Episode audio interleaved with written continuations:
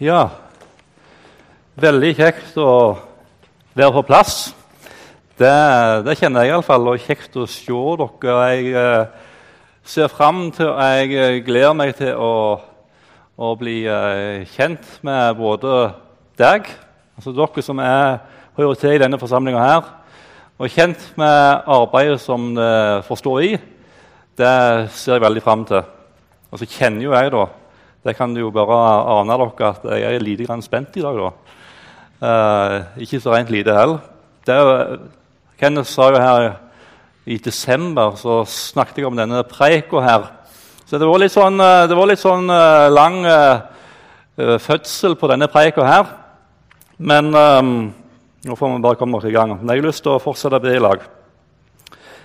Herre Jesus Kristus, jeg har lyst til å takke deg, Herre, for at du er her. Takk, Herre, for at du har sagt i ditt ord at det er to og tre er samla i ditt navn. Der vil du Jesus være der, midt iblant dem. Derfor så tror vi, Jesus, at du er her. Selv om vi ikke ser deg med øynene våre her, så er du likevel like virkelig her i lag med oss i dag. Og så ber jeg, Herre, om at du må få lov til å tale inn i vårt liv, du som er her. Det er bare du som kan, bare du som kan skape det du ønsker i vår hjerte i vårt liv. Det kan ingen mennesker skape her, men du kan det. Og Nå ber vi, Herre, om at du må komme inn i vår hjerte og vårt liv på en sånn måte at når vi går ut herfra, så er vi annerledes enn når vi kommer inn. Herre Jesus, jeg ber om at du må oss i ditt navn. Amen. Før jeg liksom går skikkelig i gang, så har jeg lyst til å aller først å takke Eldsteråd og styret for tilliten de har vist meg med å ansette meg i uh, stillingen som forsamlingsleder i Betlehem. Jeg brukte jo litt tid i, uh, i sommer på å lese historien til Bergens Indremisjon. og da da kjenner jeg på litt ydmykhet i forhold til å gå inn som eh, ansatt leder av denne forsamlinga her. Og så har jeg lyst til å si en ting til, og så skal vi gå i gang med preika. At uh, jeg blir ikke bare ansatt som en slags uh, leder av forsamlingen som skal ha en slags profesjonell rolle her i arbeidet. Men uh, vi kommer her med hele familien, og vi blir en del av forsamlingen. Fra i dag av så det dere mitt folk. Og dere blir vår menighet og vår forsamling. Og Etter hvert så kommer flyttende til, til denne flotte byen her, Bergen by. Ja, det må jeg si vet du, når jeg snakker til bergensere. Det er jo en flott by, dette her. Og da, da, da, blir vi, da, blir dette folket som bor her i byen, det blir vårt folk, og Bergen blir vår by. Og dette folk sin nød, det blir vår nød. Vi blir en del av forsamlinga, og vi blir en del av byen. Så til dagens preik. Den begynte faktisk eh, ja, den begynte egentlig enda tidligere. Derfor forstår det etter hvert. Men eh, tidlig i desember, altså hjemme der som jeg bor nå, så har vi veldig mange flotte sånn småfjell, kuperte fjell. og Det er flott å ut og springe seg en tur og få svette av seg litt. Uh, og En dag jeg var ute og sprang, og da er det ofte at tankevirksomheten den går på høygir. Det gjorde han denne dagen her. Da begynte tankene å gå tilbake. og Da tenkte jeg på denne preika her, og så lurte jeg på hva i all verden er det du, Gud, ønsker å formidle denne dagen her. Uh, og så begynte tankene mine å rulle tilbake i min livshistorie. Og den rulla hei Jeg kommer sikkert til å grine litt i dag. Den får bare tåle. Den rulla tilbake til 1988. Da var jeg elleve år. Og da var min søster Karin hun var syk, eh, alvorlig syk, og hun var faktisk her i Hordaland, på Haukeland. Eh, men jeg fikk det privilegiet den sommeren der å være hjemme hos min gamle mormor. Eh, jeg lå i, jeg i stua, og hun lå inne på et rom innenfor stua. Jeg lå og hørte på mange av disse bønnene som hun lå og ba for hele familien og hele slekta. Og så, og så sitter vi en kveld og så prater vi i lag. Jeg, jeg, jeg, tenkte på det i dag når jeg sto opp. Jeg så, jeg så hvor hun så til henne. Jeg så hvor jeg lå henne. Jeg lå på sofaen, husker jeg. Og Så ligger, der, ligger jeg der, og så sitter hun der, og så prater vi om uh, livet. Og så sier det at um, Jeg tror jeg sa noe sånt som det at jeg ønsker at Jesus skal bli mer enn en teori i mitt liv. Noe i den retningen, var det jeg sa. Og Da ga hun meg et svar som har brent seg fast i mitt indre, og som har hatt um, Som jeg tror på mange måter har forma uh, min forståelse av livet med Gud. For det hun sa da, var at uh, da må du be om åpenbaring ifra Gud, og så vil han gi deg det.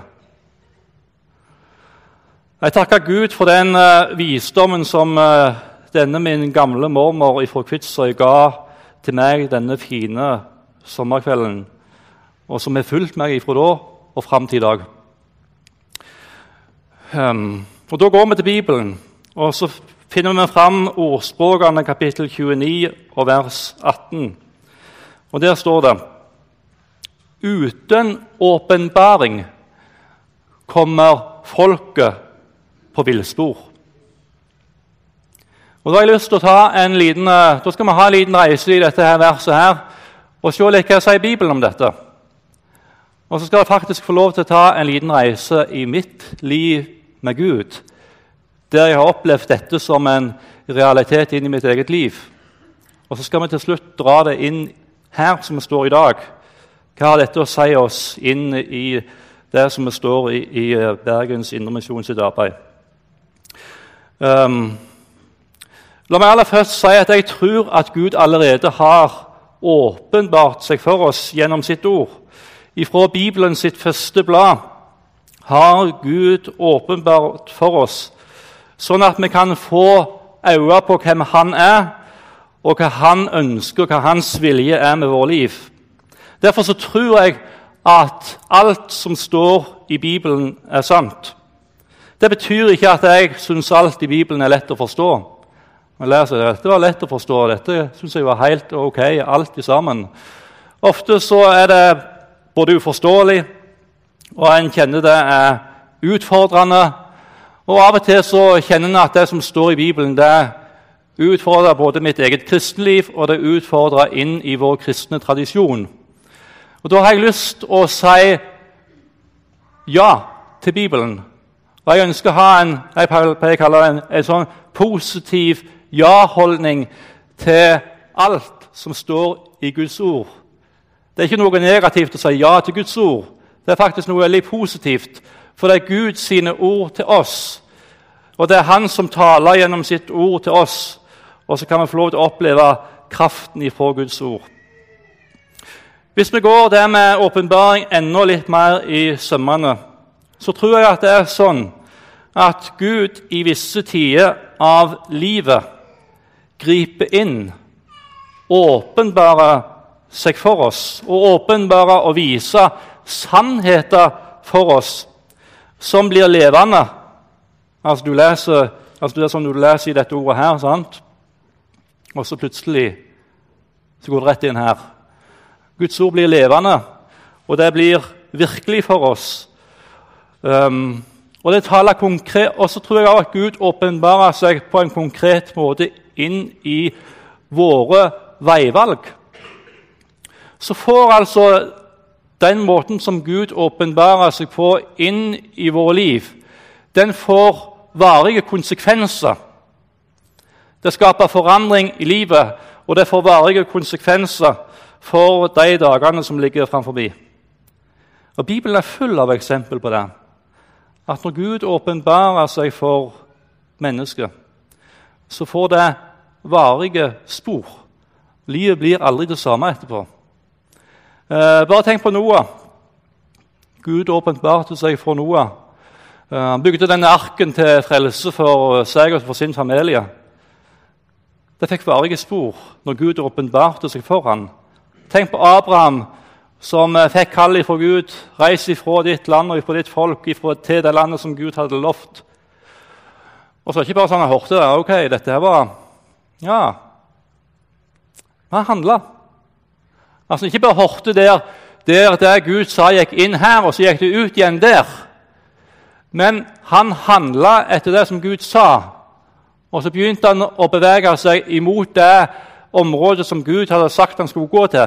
Og så åpenbarte Gud seg på nytt for han, og så åpenbarte Gud seg til nytt for han.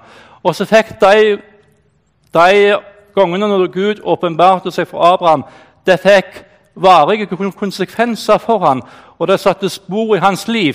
Og vi som sitter her i dag, er faktisk et resultat av det som Gud en gang åpenbarte for Abraham. Og Det kunne vi jo for så vidt hatt ei preik der om, men det skal vi ikke gjøre i dag. Uh, vi kan nevne Moses. Bare tenk på historien til Moses, David, alle profetene i Gamle testamentet. Gud åpenbarte seg. Gud viste seg for dem. Han talte inn i deres liv, og det fikk varige konsekvenser. Det satte spor. Jesus et kall av de første disiplene. Følg meg, så vil jeg gjøre dere til menneskefiskere. Og de fulgte han.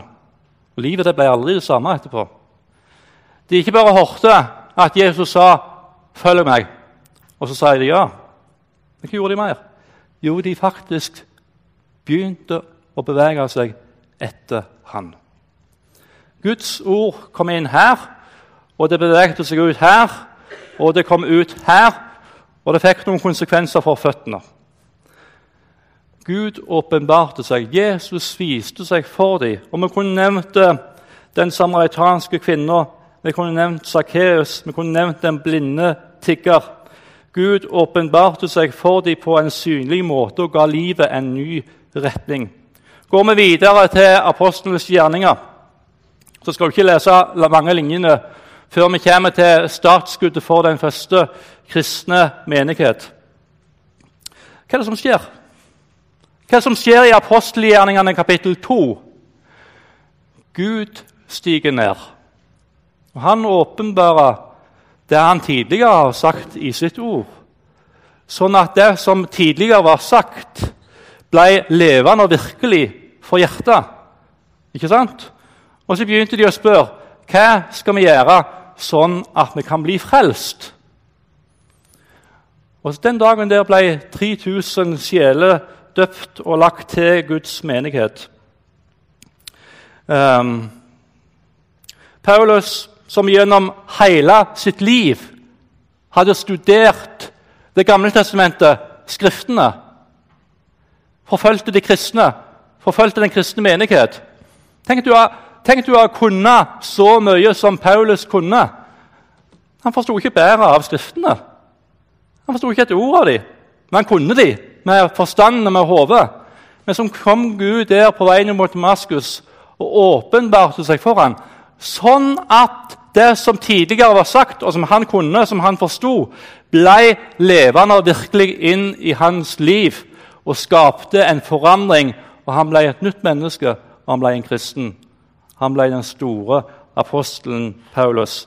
Så gjentar historien seg gang på gang på ulike måter gjennom hele apostlenes gjerninger. Gud åpenbarer seg for mennesket og fører dem inn på den rette vei. Med dette lille bakteppet så kan vi godt si at hele Bibelen er en eneste stor fortelling om at uten åpenbaring kommer folket på villspor og oversatt med et positivt fortegn Når Gud åpenbarer seg for mennesket, blir mennesket ledet inn på den rette vei. Noen ganger så åpenbarer Gud seg til frelse og til nytt liv. Andre ganger så åpenbarer Gud sannheter for oss som gjør at livet får en ny retning. Ord som tidligere var tomme, blir levende, og de blir livsforvandlende. Nå skal vi ta et lite hopp. Og så eh, For jeg tror at alle vi som er kristne, du som tror på Jesus, og som sitter her i dag, du har en åpenbaringshistorie i ditt liv med Gud. Helt garantert. Hvis du ikke har en, en historie der Gud har talt inn i ditt liv, så tror jeg det er tida i dag for å begynne å be om åpenbaring fra Gud inn i ditt liv. Um, der Gud har grepet inn, har gitt livet rett, ny retning, så tror jeg sikkert det er mange som lurer på her i dag hvem er i all verden er han der Glenn er. Er det det? Hvor mange er som lurer på det? Hvem er Glenn er? Det er noen, ja. Det var ikke mange. Det var ikke mange, nei. Jeg tror sikkert det er mange av dere som lurer på hva jeg. Nå skal jeg fortelle mitt liv med Gud. Jeg synes det er greit at jeg, Nå har jeg lyst til å gi dere mitt hjerte. At jeg vet hvem Glenn er. Dette er meg. Um, og jeg har lyst um, Jeg har lyst til å uh, Skal vi se her Hvor langt har jeg kommet her nå? Ja. Og dette sier, det, det, uh, det jeg nå skal si videre, det sier jeg ikke for å opphøye meg sjøl på noen som helst måte. Men jeg ønsker at uh, med min troshistorie så ønsker jeg å ære Gud for det han har gjort i mitt liv. Jeg ønsker, når jeg har tenkt igjennom det, jeg skal si her, så kjenner jeg på en utrolig stor takknemlighet til Gud for at han har vist meg sin nåde gjentatte ganger gjennom hele livet. Sånn at jeg kan stå her i dag og så kan jeg si takk, Gud, Takk Gud for de stegene som du har ledet meg på fram til i dag. Um, noen ganger har, de måtene som Gud har åpenbart seg på, resultert i at livet mitt har fått en ny retning. Andre ganger så har Gud ledet meg inn i et dypere liv i lag med Han, der Han har blitt enda mer dyrebar for meg, um, og der jeg har fått en enda nærmere kontakt med, med med Gud. Og Jeg vil begynne med min oppvekst. Og jeg vil i dag, når mine foreldre er her De sitter her nede i salen, så de som vil hilse på de kan gjøre det etterpå.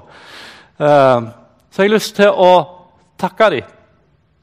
Jeg har lyst til å takke dem for at de mer enn noe, noen andre har vist meg at livet med Gud det er mer enn en teori. Og Jeg kunne jo sagt mye om det, men jeg har lyst til å si det ganske kort her i dag. Og takke dere for det dere har vist gjennom deres liv, at det med Gud og livet med Gud det er mer enn teori. Dere har vist meg at det som betyr aller, aller mest for oss som mennesker, det er å leve i lag med Gud, og det kommer hjem til himmelen til slutt. De er liksom skrevet med ildskrift inn i mitt hjerte det er evigheten det gjelder. Og Det har jeg lyst til i dag å takke mine foreldre for. Her at det mindre lys, ja. Ja, ja. Jeg skal nå klare det òg, tror jeg. Um, og så Der starta min troshistorie. En god kristen heim. Og så har jeg fortalt om min uh, gode mormor, som nå er hjemme hos Herren. Og hennes oppfordring om å be Gud om åpenbaring det ble fulgt av denne unge gutten som en gang var ung, men som står her i dag, som er blitt litt eldre. Um, jeg ba Gud om å åpenbare seg for meg, sånn at det med Jesus ble mer enn en teori. Og Jeg husker ennå når Gud talte inn i mitt uh, unge guttehjerte da jeg var bare 13 år gammel. De ordene som Jesus ropte ut på Golgata, det er fullbrakt. Altså om, om det fantes bare deg, Glenn, i hele verden, så kom Jesus for å helse nettopp deg. Du skal slippe å streve, du skal slippe å gjøre en eneste ting. Du skal bare få lov til å se deg ned og slappe av og tenke at det Jesus gjorde, det er nok for deg. Det har jeg visst før. ikke sant? Jeg har hatt det her oppi, oppi hodet. Mor og far og, oppveksten min har lært meg om det. det det gjelder i kristenlivet. Men Gud flytta denne teorien her herifra. Og så flytta han ned her, i hjertet, sånn at det ble levende, og det ble virkelig for meg. Um, og Vet du hva det resulterte i? Dette har jeg aldri fortalt fra en talerstol før. faktisk. For jeg var ikke, Det er ikke sikkert mor og far vet om det engang. Men jeg var altså ikke mors beste barn alltid. Jeg eh, stal varer på handelslaget. Jeg stal varer på bensinstasjonen da jeg var 11-12 år gammel. Og da for, Når Gud åpenbarte seg for meg, så skjedde noe med føttene mine. De beveget seg inn på handelslaget. Det jeg betalte, tilbake igjen. Det jeg hadde stjålet. Jeg beveget meg til bensinstasjonen. Jeg husker, jeg, jeg tror faktisk jeg sa det òg til han som var innehaver av den bensinstasjonen. at vet du hva, jeg har møtt Jesus. Jeg, eh, jeg har stjålet penger her. Jeg har stjålet noe bare her. Jeg må betale for det. Så gjorde jeg det. Han sto bare og måpte meg, han innehaveren av bensinstasjonen. Um, det fikk noen konsekvenser. Gud åpenbarte seg for meg og ga livet mitt en ny retning. Og Fram til jeg var en ca. 16 år gammel, så leda Gud meg mer og mer inn på en fast grunn, der Bibelen ble det faste holdepunktet for meg. Han leda meg inn i et dypere liv med Gud. Gud åpenbarte seg for meg. Han ble levende, og han ble virkelig inn i livet mitt. Og Så begynte jeg å fundere på eh, skal du Glenn, eh, ut og, skal du ut og forkynne mitt ord. Skal du ut og dele ditt ord med andre mennesker? Og Så sa jeg til Gud ja, hvis du Gud, tenker at jeg skal inn i en heltidstjeneste i ditt rike, eh, så må du eh, la veien bli lagt til rettes for meg, sånn at jeg ser at her er den veien du skal gå på. Og Så resulterte det for å gjøre en lang historie kort, at jeg enda opp, i, eh, opp på Nordmøre. Jeg begynte å reise der i uh, Norsk Luthers Misjonssamband i uh, 1996, faktisk var det vel. ja. 1996, Høsten 1996. Og Så begynte jeg å reise rundt der. Og nå skal jeg fortelle dere en ting. Jeg, jeg, var, jeg visste jo ingenting om det området droppet. Jeg kjente ikke en eneste jeg kjente ikke et eneste menneske. Jeg har ikke peiling på hvem noen som helst var oppe i området der. Og så sa Gud 'reis'. Ikke sant? Han sa 'reis'. Her er veien for deg, Glenn. Og så reiste jeg. Og Da skulle en tenke at da, blir det herlighet, og da blir det fryd, og da blir det glede, og da blir alt harmoni. Var det sånn for meg? Langt ifra. Um, jeg reiste opp der, og jeg, jeg, når jeg visste ingenting om området, så de sa at du, du skal bo inne i en plass som heter Du kan komme hjem og finne det på, på kartet når du kommer hjem. Du skal bosette deg inne inn i Rodal. Du, du, har aldri, du har hørt om Vebjørn Rodal. Han er vel fra det området der, tror jeg. Inni der skal du bosette deg. Det er en liten plass med et par hundre mennesker. Hvis jeg skulle treffe noen andre kristne ungdommer så måtte jeg sette meg i bilen og kjøre et par timer.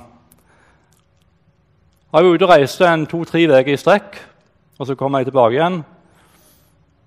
Og jeg kjente meg knust. Store gutter skal jo ikke grine. Men det var mange ganger jeg la meg ned på sofaen der jeg bodde, og jeg grein. Jeg ropte høyt til Gud. Er det dette som er meninga for meg og for mitt liv? Du kalte meg inn i dette. Er det dette som er meningen for deg og for mitt liv? Men når jeg tenker på det nå, så tenker jeg Gud har vært god. Han har vært utrolig god. For nettopp i den situasjonen som jeg var i da, så lærte jeg Gud å kjenne på en måte som jeg ikke har lært utenom å gå de rundene der. Der jeg fikk et djupere liv med Gud. Måtte si til Gud nå, nå skal jeg ut og preke ditt ord. Jeg har ikke krefter. Jeg har ikke noen ting, men du Herre må gi meg det. Du må gi meg alt jeg trenger. Og Gang på gang så ble jeg overraska over Gud, hva han kunne gjøre ut fra en skral skrått som han Glenn følte seg da. Um, og Der oppe var jeg i en seks-sju år. Og Det var ikke sånn hvert år. altså Det første året som jeg var der oppe, så var det sånn som jeg nå har fortalt det. Og det vært noe annerledes etter hvert. Og så ser jeg tilbake på de der årene så tenker jeg jeg er så utrolig takknemlig for de årene som jeg fikk ha. Etter hvert så flytta jeg til Kristiansund og bodde der og, og, hadde det godt i byen der. Men så fikk jeg lov til å reise rundt på forskjellige plasser. Men det var ikke sånn at jeg, jeg kan fortelle om hundrevis av mennesker som ble frelst. Men på noen av disse plassene som jeg var, så fikk jeg oppleve at mennesket ble forandra. Gud åpenbarte seg for nye mennesker og ga livet en ny retning og en ny kurs. Det er noe av det største en kan få lov til å være med på når en er med i, um, i Guds rike. Um, jeg ser tida går her fryktelig fort. Jeg har mer jeg skal si her i dag. Og så kommer vi til um, 2004. Det er ikke så veldig mange år siden. Det er faktisk eh, ganske nøyaktig ti år siden. Så hadde jeg da tidligere jeg hadde jo reist oppe på Nordmøre. Og så kjente jeg at her, her, uh, her skal ikke du være lenger. Og jeg var sliten, og jeg gikk ut i en sykemelding. Uh, og så Eh, fikk jeg et ettårs engasjement der jeg reiste som, eh, som omreisende forkynner eller evangelist uh, for, for, hele landet. Det fikk jeg da høsten 2003. Men så kommer det da til januar 2004. Så får jeg en telefon. Det er vanskelige tider i, når det gjelder økonomi i organisasjonene. Og så får jeg beskjeden om at når dette engasjementet er ute, så har ikke du noe arbeid. Han sa ikke på den måten, nå. Men da, da kan ikke du fortsette dette engasjementet for hovedstyret, som det heter. Jeg kunne i teorien reist tilbake igjen til Nordmøre, der jeg var tidligere. Men for meg så var det ganske uaktuelt å reise tilbake igjen der. Da hadde vi flytta ned til Alversund i, eh, i uh, Nordhordland. Da begynte det en, en, um, en ganske stor omveltning i livet mitt. Det jeg spørre Gud hva er meninga med dette for meg nå. Jeg sto der og spurte Gud um, mer enn én en gang, og jeg uh, hadde mange, mange tunge runder der jeg sto der og ikke forsto bedre av hva Gud holdt på med. Um, og så begynte det en, begynte det en, en, en fornyelsesprosess i mitt indre. Eh, for Jeg har alltid tenkt at ja, du, Glenn, du skal reise rundt og skal forkynne evangeliet. Det er ditt kall. Og Så begynte det en fornyelsesprosess i mitt indre der jeg spurte hva er det som egentlig er ditt kall, Glenn. Er det å forkynne det mitt ord, eller er det noe annet? Um, og så resulterte det for å gjøre en lang historie kort, at mitt kall var ikke lenger å være verken i Misjonssambandet eller være en omreisende forkynner eller evangelist. Jeg tror jeg har nådegave til å forkynne. Jeg tror jeg har nådegave til å kunne være med og vinne andre mennesker for Gud. Men det er ikke ditt kall. Hva er det ditt kall, Glenn, er? Kallet ditt, Glenn, det er å følge etter meg. Det er etter Jesus. Det Det forandrer seg aldri. Det er det samme. Så sa jeg til Gud og ja, hvis det er kallet mitt, da må du vise meg hva jeg skal gjøre nå. Jeg har lappen på tyngre kjøretøy, jeg kan kjøre buss. Så sa jeg til Gud at ja, hvis du vil jeg skal kjøre buss og treffe mennesker der som skal få oppleve og møte deg, Gud, så må du lede meg på en sånn måte at jeg ser at her går veien videre for deg. Og Det var ingen av sånne tydelige tegn som viste seg for meg. Jeg tror ikke vi skal få skrifter på veggen, men jeg tror av og til Gud kan lede på en sånn måte at vi ser at her går veien videre for deg. Og Så fikk jeg en telefon fra han som var formann i uh, Nordhordland Indremisjon. der han begynte å prate om uh, jeg kunne tenke meg å gå inn i stillingen som kretsleder i Nordhordland Indremisjon. Nå kan dere godt vite det at uh, jeg hadde, når jeg hadde tenkt på hva i all verden er det du Glenn, kan holde på med, så tenkte jeg at det, det siste du Glenn skal, det er å være noe sånn som kretsleder en eller annen plass. Det er det siste du skal. Men da hadde Gud, da hadde Gud tynt meg så mye. ikke sant? Jeg var ganske tynt da. Jeg var ganske pressa. Og så plutselig så var det ei dør som åpna seg bitte lite grann på gløtt. ikke sant? Og Da måtte du spørre Gud er det dette som er veien videre for meg å gå. Um, og så sa jeg det til, og så hadde jeg en samtale med noen representanter derifra. Så sa jeg til dem vet du hva, jeg har ikke peiling om dette noe jeg kan. i det hele tatt. Jeg har aldri sittet på et kontor før. Jeg har aldri vært arbeidsgiver før. Jeg har aldri nesten tatt i en, åpna en datamaskin før. Jeg hadde jo gjort det, men det var ikke mye. Um, så, så, dette har ikke jeg peiling på, sier jeg. Men hvis dere er villige til å prøve, så er jeg villig til å begynne. Og funker det ikke, så slutter jeg. Og hvis det ser at det ikke funker, så slutter jeg. Og Nå har jeg altså vært der i ni-ti år nesten, så det har jo funka på, på, på, et vis. da. Um, men det er også, også gå noen steg med Gud, der han leder et steg videre. Der må stå og spørre hva vil du, Gud, med livet mitt? Og se at han åpna en ny vei. Jeg hadde, ikke, jeg hadde som sagt ikke så mye vett. Så når jeg begynte da, så, så var det det et, et bibelvers som jeg leste ganske tidlig.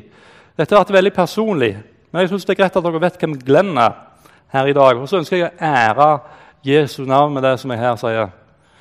Uh, jeg har jo ikke så mye peiling. Det var rent praktiske ting, administrative ting. Og det var også åndelig karakter i arbeidet. der jeg lurte på hva i all verden skal jeg tenke nå. Hva skal jeg mene nå for noe? Og Så leste jeg et vers eh, ganske tidlig, og som har hatt stor betydning for meg, og som jeg bærer med meg inn i denne tjenesten som jeg har gått inn i nå Fra Jakobs brev, kapittel 1, vers 5. Men om noen av dere mangler visdom ikke sant? Jeg kjente jo jeg mangla fryktelig mye vett på alt jeg skulle inn i nå. Uh, det passet jo bra. Mangler visdom. Så det er ikke noe, Hvis du kjenner på det at du mangler visdom, så er ikke det noe, det gjør ingenting. det. For hva står det her for noe, da? Jo, da må han be til Gud. For han gir alle villig og uten bebreidelse, og så skal han få den. Så hvis du mangler vett, ja, så skal du få lov til å be til Gud. Og han har sagt han vil gi villig og uten bebreidelse, og så skal han få den. Så der, Og det opplevde jeg mange ganger. Jeg sto der, og jeg visste ikke hvor går veien videre nå. Og så ba jeg til Gud. Og så opplevde jeg at inn i situasjoner så ga Gud meg en visdom som jeg ikke hadde fra før. Og Det å erfare Gud på en synlig måte eh, inn i en konkret hverdag, det er utrolig trosstyrkende.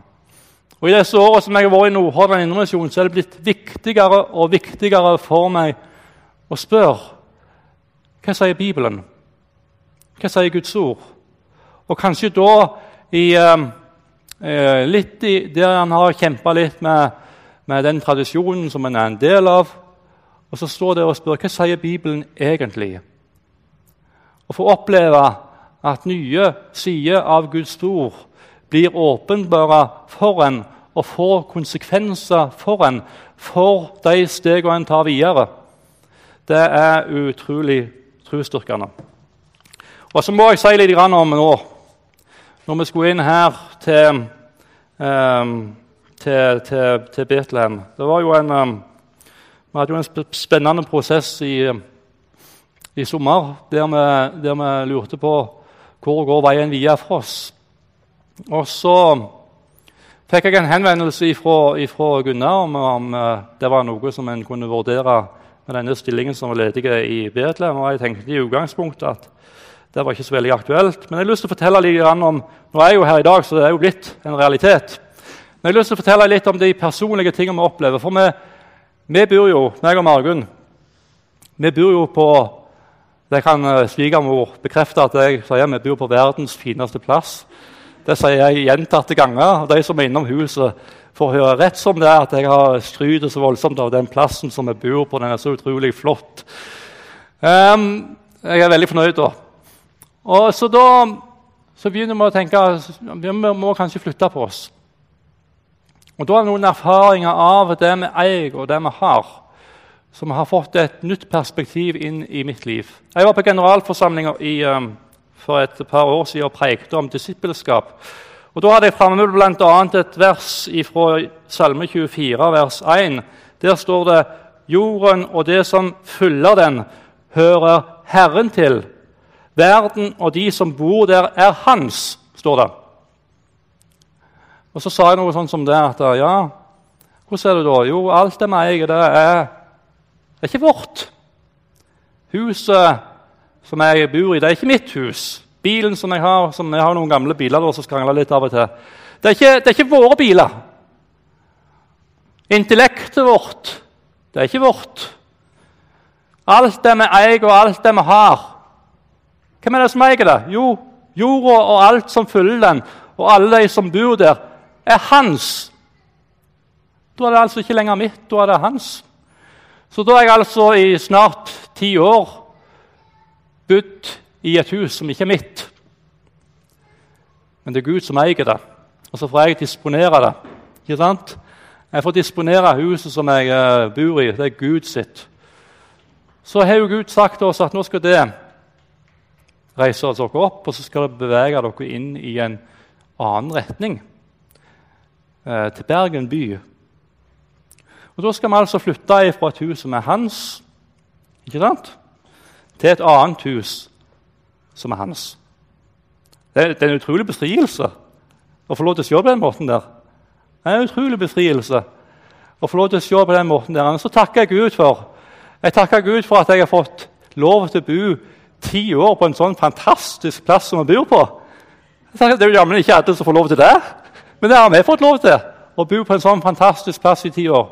Og så skal vi inn en annen plass. Nå skal vi flytte til Laksevåg og bo der. Det er Guds hus. Det er Guds hus, det er ikke mitt hus. Og da får jeg oppleve så konkret og tydelig at vi får det vi trenger for det huset vi har, til å kjøpe et nytt hus her inne i byen, uten at vi skal ruinere oss så totalt. Jeg kunne sagt mye om det, men jeg tror det får bli en annen gang. Men, men, det er utrolig trosstyrkende. Det er en utrolig frihet å få lov til å legge livet sitt i Guds hender. Eh, og si at jeg ønsker ikke å ha kontroll lenger. Jeg ønsker ikke å ha kontroll. Huset er ditt, ja, det skal jeg selge. Jeg skal kjøpe et nytt hus. Slipp kontrollen. La Gud få over, ta over kontrollen over det som er ditt, og det som du eier.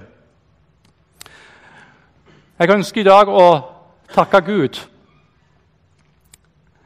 Jeg ønsker i dag å takke Gud for det, for det han har gjort i mitt liv.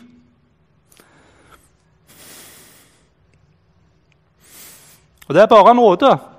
Jeg er full av takknemlighet for at Gud gang på gang har åpenbart seg for meg og leda meg inn på den rette vei. Og Nå sier jeg ikke at jeg går alle veier helt rette. Jeg er et menneske som deg. Og jeg, eh, men jeg er utrolig takknemlig for at Gud har åpenbart seg for meg og ledet meg på nye steg videre i lag med Gud. I dag er jeg kommet inn i en forsamling eh, som gjennom hele sin historie er full av eksempel på at Gud har åpenbart seg for mennesket til frelse. Livet etter disse møtene med Gud ble ikke de samme etterpå. Bare tenk på den store vekkelsen som var her i 1909 og 1910 og utover, der de etter hvert slutta å telle tallet på nyfrelste når de passerte 1000 mennesker. Gud åpenbarte seg for dem og ga livet deres en retning. Mange fikk et rikere liv med Gud etter at Gud åpenbar, åpenbarte seg for, for, for, dem. Og det fikk betydning for millioner av mennesker. Jeg tenker på hun der Olivia Halvorsen, hun som drev eh, moteforretning her i denne byen. her, eh, Som begynte å kjenne på en sånn nød og en brann for at uh, disse kineserne skulle bli frelst. Vet du hva jeg tror det handler om? Jeg tror at Gud åpenbarte seg for henne og viste henne noen, noen ting som, som, som, ikke slapp tak i henne. Det sto at de måtte både be og true for å få dette igjennom. Uh, blant disse ledende menn i Bergens Indremoen. Til slutt så fikk de det igjennom. Og hva er resultatet blitt? Hva er resultatet blitt av at Gud åpenbarte seg og ga livet en annen retning? Jo, millioner av Bare tenk på Kina. De såkornene som ble sådd blant det kinesiske folket. Det resultatet av uh, Kinamisjonen sitt arbeid har, har uh, konsekvenser for millioner av mennesker inn i det kinesiske folket. Og videre uh, kall fra Gud til å starte redningsarbeidet, søndagsskolen, havnemisjonen, Indre sjømannsmisjon. Gud åpenbarte seg for mennesket og gav livet en ny retning. Den retningen han ønsket for livet deres. Så står vi her i dag. Og Nå skal jeg få lov til å gå noen steg sammen med dere inn i framtida. Og det gleder jeg meg til. Jeg gleder meg til å bli kjent med dere. Og jeg gleder meg til å se hva Gud ønsker å gjøre i våre liv i tida som kommer. Og Jeg er helt overbevist om én ting om at skal vi fortsatt få lov til å ha et arbeid som det lukter Gud av Forstår du hva jeg mener med det? Forstår du det? Hjemme så lukter det jo fjos av folk. ikke sant? Jeg tror Gud vil at det skal lukte Gud av oss. Skal vi ha et arbeid som lukter Gud av, der vi ser tydelige fottrinn av at her er det et verk som er utført av Gud Hva er det vi trenger da? Hva tror dere at Bergens Indremisjon, Betlehem, trenger? Vi trenger at Gud åpenbarer seg for oss. Ikke sant? Vi trenger at Gud åpenbarer seg for oss. Uh, og jeg tror vi trenger at Gud åpenbarer seg sjøl for oss og sin vilje for vårt liv på en enda sterkere måte enn det som er tilfellet i dag. Um, og at det får større konsekvenser for våre liv enn det som er tilfellet fram til i dag. Helt, altså ser, du på, ser, du på, Bibelen, så er det helt tydelig at når Gud ønsker å gjøre noe inn i et folk, så åpenbarer Gud seg for mennesker. Og Så viser han seg for dem. Og så begynner det å skje ting i deres omgivelser som gjør at det, det, det blir, folk blir merka av livet fordi de får møte Gud gjennom disse personene. Og Ser du på hele Kirkens historie, så er det det som har skjedd. At Gud åpenbarer seg for noen mennesker, sånn at de begynner å bevege seg ut til mennesker som ikke kjenner Han. Og så får det konsekvenser for mange mennesker. Og jeg tror skal, skal denne forsamlinga her eh, nå en større bredde av Bergens indremisjon, Bergen, Bergen innbyggere, så er jeg helt overbevist om at Gud må få stige ned. Han må få lov til å åpenbare seg inn i våre liv på en sterkere måte, på en tydeligere måte, og at det får større konsekvenser for oss, og som gjør at vi beveger oss ut til mennesker som ikke kjenner Han. Det er jo de vi er kalt til nå. Så min oppfordring i dag, vet du hva det er? Du, du lukter det sikkert. da. Min oppfordring i dag er at du skal søke Gud. At du skal be Gud om åpenbaring inn i ditt liv som, som kristen. Kanskje er det noen her som skal få et annet liv. For Gud åpenbarte seg for deg. Ikke sant? Kanskje det noen her som skal få et annet liv fordi Gud åpenbarte seg for deg. Så det kan være at du har en tanke om hva det Gud vil åpenbare seg for, åpenbare inn i ditt liv, men det er jo, det jo sannelig ikke sikkert. det. Du ser jo også gjentatte ganger i Bibelen at de ble fullstendig overrumpla og overraska når Gud åpenbarte seg for dem. Bare tenk på Moses med denne brennende tornebusken. Han ble jo helt slått ut. Tenk på Paulus på vei mot Damaskus. Han forsto egentlig ikke hva som skjedde, men han ble overraska av Guds inngripen inn i hans liv. Det kan være at Gud også vil overraske deg inn i ditt liv, der du får møte Gud på en måte som gjør at livet ditt blir annerledes.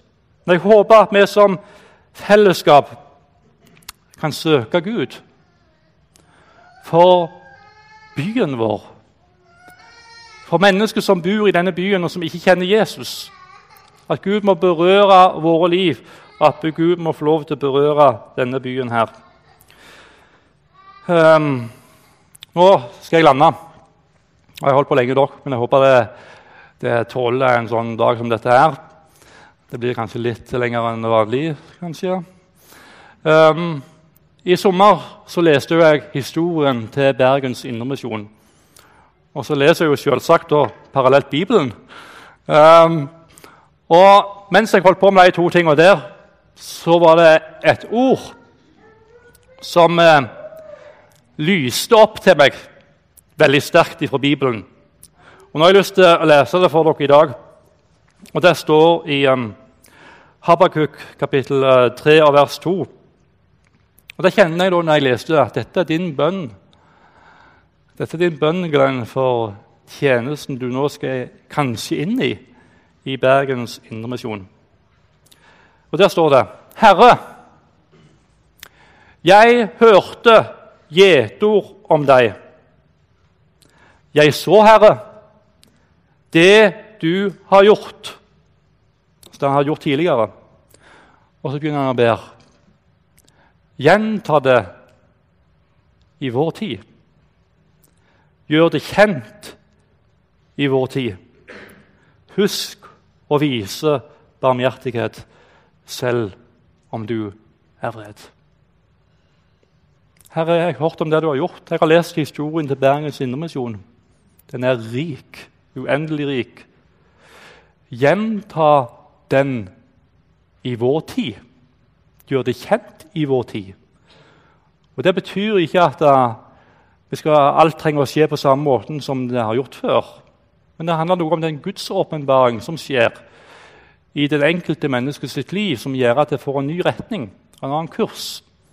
Det forteller historien veldig sterkt om. Husk å vise barmhjertighet. Og så vil jeg iallfall jeg håper det kan være med meg i den bønnen der. Fortsette å be Gud om å åpenbare seg for oss og lede oss på den rette vei. Den veien som han har tenkt for oss. Og så er det en bønn for meg òg. Gud, må det lukte enda sterkere av deg. Må det lukte enda sterkere av deg. Av oss av oss som lever i lag med deg. Og Herre Jesus, det har vi lyst til å be deg om. Vi har lyst til å be deg om at du må, du må åpenbare deg for oss, Herre. Skal vi ha et arbeid som har noe som helst med deg å gjøre, Herre, så trenger vi at du åpenbarer deg for oss. Jeg ber om at du må åpenbare deg for hver enkelt som er her. Så har ikke jeg her oppskrifter på hvordan det skal skje. Men jeg har lyst til at du i enda sterkere grad skal bli sluppet løst inn i våre liv, Herre. Så kan det, kan det, få noen forskjellige veier, og så kan det få noen forskjellige retninger når du, Herre, får styre på. Men Herre Jesus, jeg ber om at resultatet må bli at våre liv kan få lov til å ære og opphøye ditt navn, Herre.